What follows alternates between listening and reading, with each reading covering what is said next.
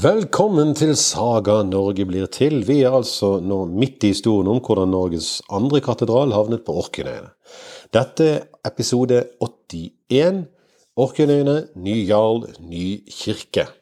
Orknøyene er altså et lite samfunn vest i havet med om lag 19 000 innbyggere, og en gigantisk rødfarget norrøn katedral som egentlig nesten har plass til å romme alle de 19 000 innbyggerne på samme tid. Vel, vel, kanskje ikke så mye.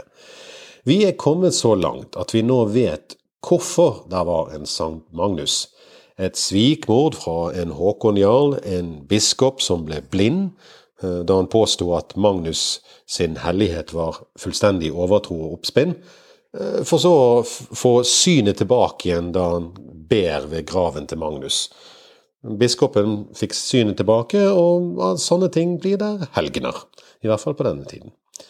Men helgen eller ikke, Håkon Jarl hadde ikke tenkt å bygge noen kirke for den han hadde drept, eh, og det hadde heller ikke hans sønner.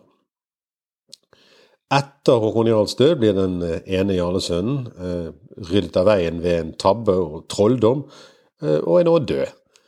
To skotske søstre sto bak tabben, Frakokk og Helga. De lagde en kjortel som tydeligvis var innsatt med et eller annet gift eller noe sånt, og dermed og drepte feil, eh, feil bror. De ble sendt hjem til Skottland og sitter der og pønsker på hevn. Det er ikke helt klart hva de egentlig har å hevne, ettersom det var de som vel, vel rota det til i utgangspunktet. Jarl over Orknøyene er nå Pål Håkonsson. En heldig mann. Om ikke annet så fordi han ikke tok på seg den forheksede kjortelen som tok livet av sin bror, eh, og dermed ble enejarl. Men med det har han kanskje brukt opp mye av flaksen sin, men ikke alt, skal vi se. Da er alt rolig og greit, tenker vi, men jarl Pål har ikke noen kirkeplaner, som sagt. Og dette er jo historien om hvordan Magnuskatedralen ble til, eh, så da skjønner alle her at noe mer må skje. Og det skjer mer. Mye mer. Så mye faktisk at vi har ikke plass til halvparten her. Um, og det finnes der en egen saga om i Flatøy bok, Orknøyingssagaene. Um, men vi får gjøre et forsøk. På kortversjon. Men en dag banker det altså på døren hos jarl Pål igjen, selvfølgelig. Og der er det en mann som kaller seg Ragnvald, og som mener han har rett på halve jarledømmet. Det tar Pål ikke særlig pent, samler sine stormenn, og selv om noen av de råder han til å dele riket, så nekter han plent. Hva er det egentlig som har skjedd? Jo, vi må altså tilbake til da denne Kål, sønn av Kale, fikk gifte seg med en av jarledøtrene fra Orkenøyene. Han fikk altså gifte seg med denne jarledatteren fordi hans far hadde gjort en god tjeneste for kong Magnus. De får igjen en sønn, Kale, oppkalt etter sin bestefar. Med dette plasserer denne Kale seg midt i arverekken til den ene delen av Orknøyene, og interessant nok er det den andre etterlinjen i forhold til Pål Jarl, som nå regjerer hele, men som egentlig bare har rett på halve. Men Kale plasserer seg også på fedrenes gård i Agder. Så det skulle vel ikke være noen fare for Pål Jarl, det der, skulle det vel? Å jo da men litt krokete skal det bli å komme fram dit. Og dette er altså kortversjonen. Tro meg, kortversjonen. Utgangspunktet er en krangel i en drikkestue i Bjørgvin. Kale har forvillet seg dit for å drikke med en kompis han har funnet, en Jon, som egentlig er en sleiping av en lendmann fra Sogn, og de to kommer av en eller annen grunn godt overens. Deres menn kommer utover kvelden ikke så godt overens, ettersom kveld blir til natt og beruset blir til drita full, og godt humør blir til det en i beste fall kan kalle gladvold. Som dikteren skrev, til uhell for begge to, de møttes i en kro, de drakk, jeg selv i kro vil drikke, foran et kommer jeg der ikke. Bemerk dog leser dette, jeg i meg går på de honett. Som sagt, de drakk, og efter megen skjensel, hissig snakk, slo smeden fienden på planeten. Så hardt var dette slag at han så ikke dag, og har jeg siden sett den. Vel, altså i dette tilfellet var det ikke en smed, og ikke en baker heller involvert, men en av Jons menn blir slått i hodet med en vedski. Hardt er slaget, og hardt faller mannen, men han svimer egentlig bare av. Han dør. Heldigvis ikke. Heldigvis skulle en tro. Når mannen våkner, er vedslåerfuglen fløyet, dvs. Si han har tatt skip og seilt av gårde. Men den før dette svimeslåtte setter etter i full fart, og det blir båtjakt på fjorden utenfor Bergen, eh, og han når sin motstander igjen ved Grønningsund. Der dreper han for godt mål både han som slo han i hodet, og kompisen hans som er med i båten. Sånn var æresbegrepene den gang. Og for sikkerhets skyld, for å sørge for at alle vet at æren er oppdrettet, så drar han tilbake til Bjørgvin og forteller hele byen om hva han har gjort. Kale syns som rimelig eh, ikke dette er helt proporsjonalt. En vedski i hodet må betales med to liv. Hallo? Det brygger opp til kamp i Bjørgvins gater eh, for å gjenopprette æren mellom de to, eh, men noen går imellom og får skilt de. Kale går deretter med på et forslag fra Jon, der Kale sjøl skal dømme og avgjøre hva slags bot som må betales. Det, det høres kanskje rart ut. Hvorfor skulle Jon ville la Kale dømme? Jo, for de forutsetningene som ligger uuttalt til grunn for det, er at Kale må be om en bot, ikke et liv, altså ingen blodhevn. I tillegg vinner Jon tid, fordi Kale må dra hjem til sine frender for å få avklart hva disse mennene er verd. Og sist, men ikke minst, kongen blir ikke involvert. Da kunne Jon måtte ha betalt både det ene og det andre, f.eks. en lendmannstittel.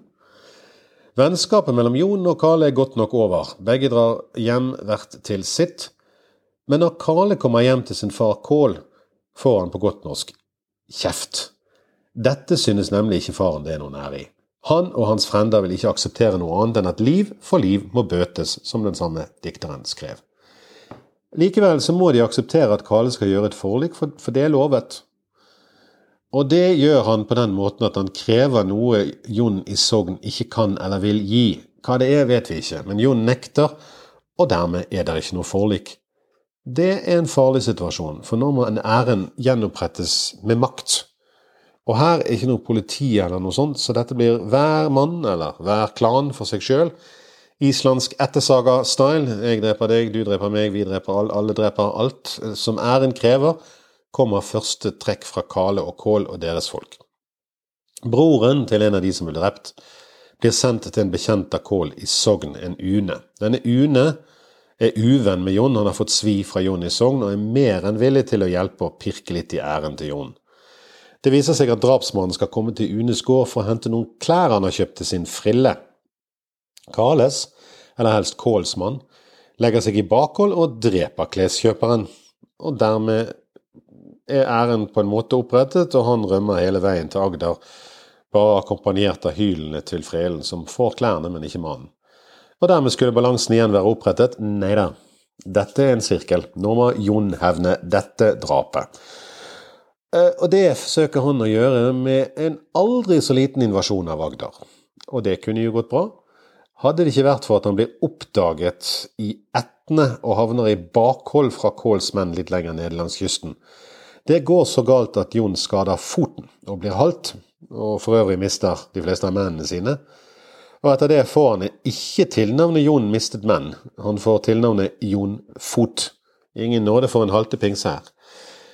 Nå har selv kongen oppdaget at noe er på ferde. Folk blir drept i, utenfor Bjørgvin, får vedskjærer i hodet og blir drept i Sogn og i Agder.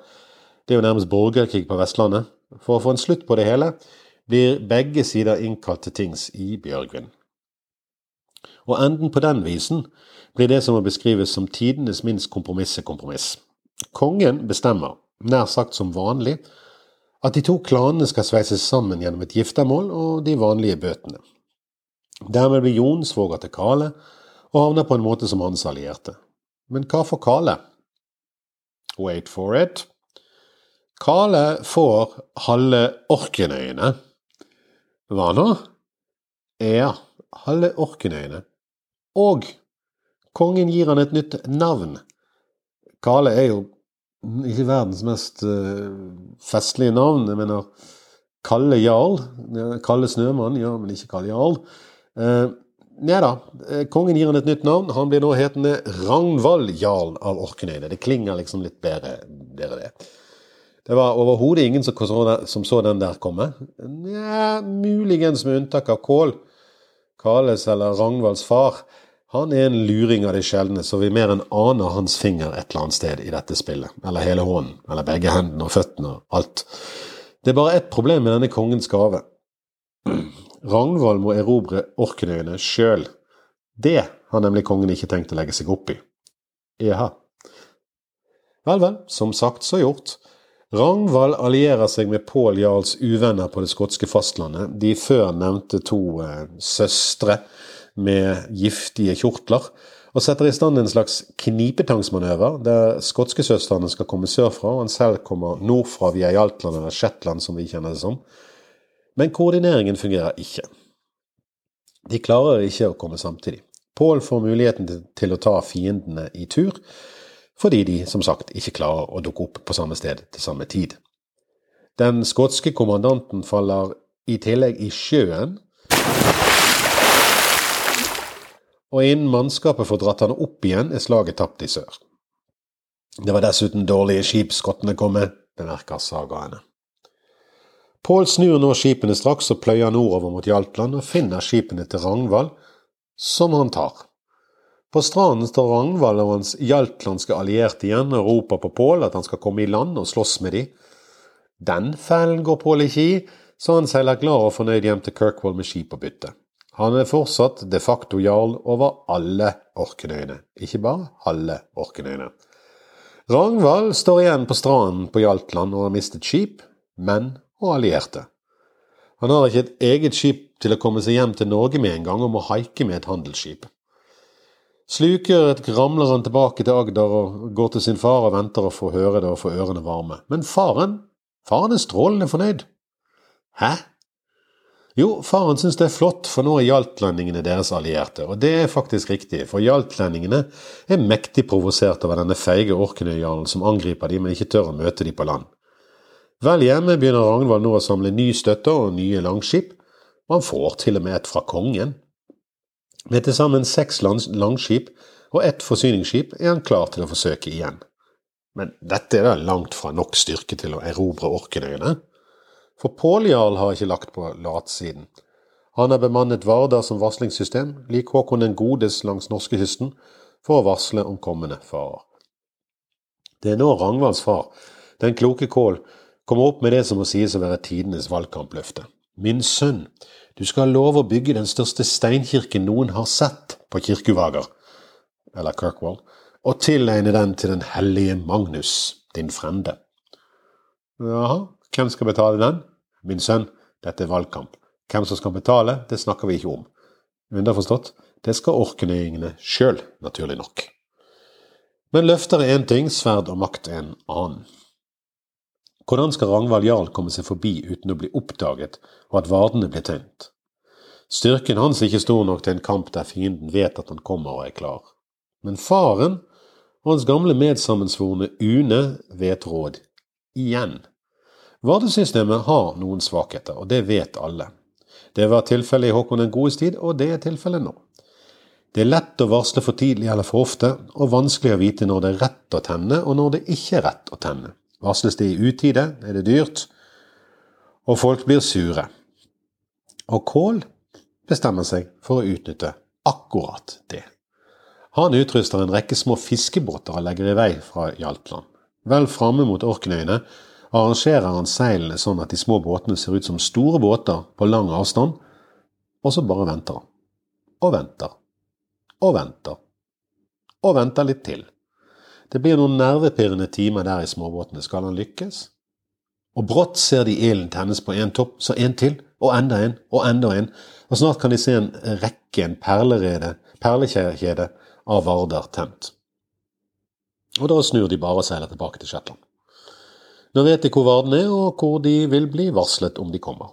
Så nå gjelder det bare å finne en måte å løse det på. Men Kål vet at nå arbeider menneskets natur for han. Og ganske riktig blir det bråk når man oppdager at den varslede invasjonsflåten er jaltlandske fiskebåter. Pål har samlet bøndene og alle stormennene, hele hæren, i tre samfulle dager, og alle mister ganske fort tålmodigheten når Ragnvald ikke dukker opp noe sted. Bøndene synes det er helt spinngalt å tenne hveten for noen fiskebåters skyld. Det bryter ut en krangel mellom den som tente den første, og den andre varden.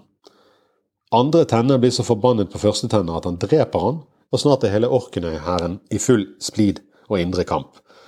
Jarlen får til slutt skilt de to stridende partene, og en mann blir utpekt til å passe den nå tennerløse hveten på Friderøy. Men der har den før nevnte Une gått i land, og later nå som han hater Ragnvald Jarl. Denne spionen later som han er en fattig, gammel fisker, og når han får en sjanse, tilbyr han seg å passe Varden. Den burde noen ha skjønt. Så snart den egentlige vardepasseren er borte, så dynker Une veden i så mye vann, omtrent like mye som ble brukt i forbindelse med syndefloden, at det trengs en solid tørketrommel eller et par dyktige tørkesomre for å få den tørr igjen. Og så stikker han av, og gir Ragnvald klarsignalet. De blir sett når de kommer, Ragnvald og hans langskip, men når vardene skal tennes, klarer ingen å få fyr på den gjennombløtede veden. Dermed ramler Ragnvald og co. i land på Vesterøy, og folkene der de er ikke klare for kamp. De legger seg med en gang under den nye jarlen. Det er litt uro, det blir noen nattlige møter og noe sånt, men jarlen gir klar beskjed om hva som skal skje hvis ikke de passer seg. Så gjentar historien seg. De brygger opp til kamp, men folk går imellom, og det avtales en borgfred i noen uker, så folk får områ seg. Det er biskopen som sørger for det.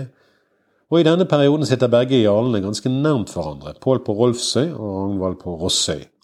I dag er dette egentlig samme øy, omtrent, selv om de har forskjellige navn, Mainland og Rossøy. Men den gang gikk havet noe høyere, og fyllingen mellom øyene var ikke laget. Stormennene som er alliert med Pål, vil egentlig ikke ha kamp, de vil kjøpe bort Ragnvald, betale han for å reise sin vei. Noen vil kjempe, men de fleste vil betale. Og mens de sitter der og ser på hverandre, så må de ha noe å gjøre på. Og Pål finner ut at han skal gå på eggjakt. Og nå skjer noe av det merkeligste i denne historien. Noen folk, vel noen uregjerlige halvstorkarer er det vel rett å si, med, med ganske gode familieforbindelser, kommer og tilbyr sine tjenester til Ragnvald og truer med å tilby de samme tjenestene til Pål om Ragnvald nøder. Det gjør han selvsagt ikke, han har ikke råd til det. Stillingen er fortsatt høyst uklart, uavklart, med en liten fordel til Pål i forhold til styrke og støtte. En av disse karene er på vei fra Suderøyene. Han kommer litt seint, men har tydeligvis fått nyss om hvilken side han skal være på. Ja, ja. Han har vel egentlig hele tiden vært på siden til de to søstrene som drepte feil jarl. Så nå befinner altså jarl Pål av alle ting seg ute og jakter på fugl og fugleegg i en ur, mens denne fyren kommer seilende opp. Det er jo borgfred, så Pål aner, aner, fred og ingen fare. Når han som kommer sør fra Suderøyene oppdager det, og det gjør han helt tilfeldig idet han seiler forbi, så blir det bråk. Han ser noen karer borti en ur, blir nysgjerrig og legger til, og spør hva slags karer dette er. Noen er dum nok til å si hvem det er, altså at det er Pål Jarl som er ute og samler egg. Og dermed ser han sitt snitt. Han går sporenstreks til angrep på jarlen og hans menn, og tar jarlen til fange med seg sør til Skottland. Det skal bli en del av en plan om å få disse søstrene tilbake på øyen og, og få, få, deres eh, sønn til jarl, men akkurat det renner ut i kålen, og Pål nekter å reise tilbake igjen til Orknøyene, for han er så flau over hvordan han er blitt tatt til fange. Han tror ingen vil støtte han etter det, og det har han kanskje rett i. Og dermed har plutselig Ragnvald jarl ingen motstandere på Orknøyene. Pga. en uheldig eggjakt og en vedsky i hodet på en mann i Bjørgvin, blir han nå enerådende jarl med nytt navn, altså Ragnvald, på Orknøyene. Så enkelt kan det gjøres. Ja, også litt hjelp fra faren og Une da på disse hvetene. Men nå må han jo altså holde dette valgløftet. Han må bygge den kirken. Ja ja, det er jo et valgløfte. Men de setter faktisk i gang straks. Han og faren holder faktisk valgløftet sitt, og kirken blir reist på fem år. Dvs. Si, første byggetrinn blir reist på fem år. Du kan se det på Orken i dag, hvor det går henne. Men som vanlig i slike prosjekter, overskridelser og pengemangel er regelen mer enn unntaket. Kål, Ragnvalds far, foreslår da rett og slett å ta odelen fra alle bøndene på en sånn måte at de må leie den tilbake igjen. Det blir ikke så godt mottatt. Men det var nok en baktanke med det, for kompromisset blir at alle må kjøpe odelen sin, altså den odelen de allerede egentlig har. Den må de kjøpe fra jarlen, én mark av hver plogland. Og som sagaen sier, etter det manglet det ikke penger til kirkebygget, og bygget ble svært godt utført. Og det står den dag i dag, tusen år senere, som St. Magnus-katedralen i Kirkwall på Orkenøyene. Så godt ble bygget at også Ragnvald til slutt ble helligkåret, og dermed ble han en av Norges åtte helgener. To av de faktisk fra Orkenøyene, Magnus og Ragnvald, og i tillegg til de Sankt Sunniver fra Selje, eller egentlig Irland, Sankt Olav den hellige, Sankt Øystein biskopen, Sankt Halvard, som ble drept da han forsøkte å redde en kvinne, Sankt Torfinn av Hamar, som vi ikke egentlig vet så mye om, og av og til Sankt Håkon den femte Magnusson. Der er to til, med de islandske, så vi skal være litt forsiktige med å ta æren for de. Historien om hvordan Ragnvald til slutt ble helgen, er uendelig lang og spennende, så den får vi ta en annen gang. Vi avslutter som vanlig med et vers fra Overmål. Ven sin skal en være ven og løne gåve med gåve. Til lott skal man med lott svare, og møte ljuging med løgn. Dette var episode 81, Orkenøyene en ny jarl og ny kirke. Mitt navn er Tom Christer. Du kan sende spørsmål eller kommentarer til tom.christer.gmail.com.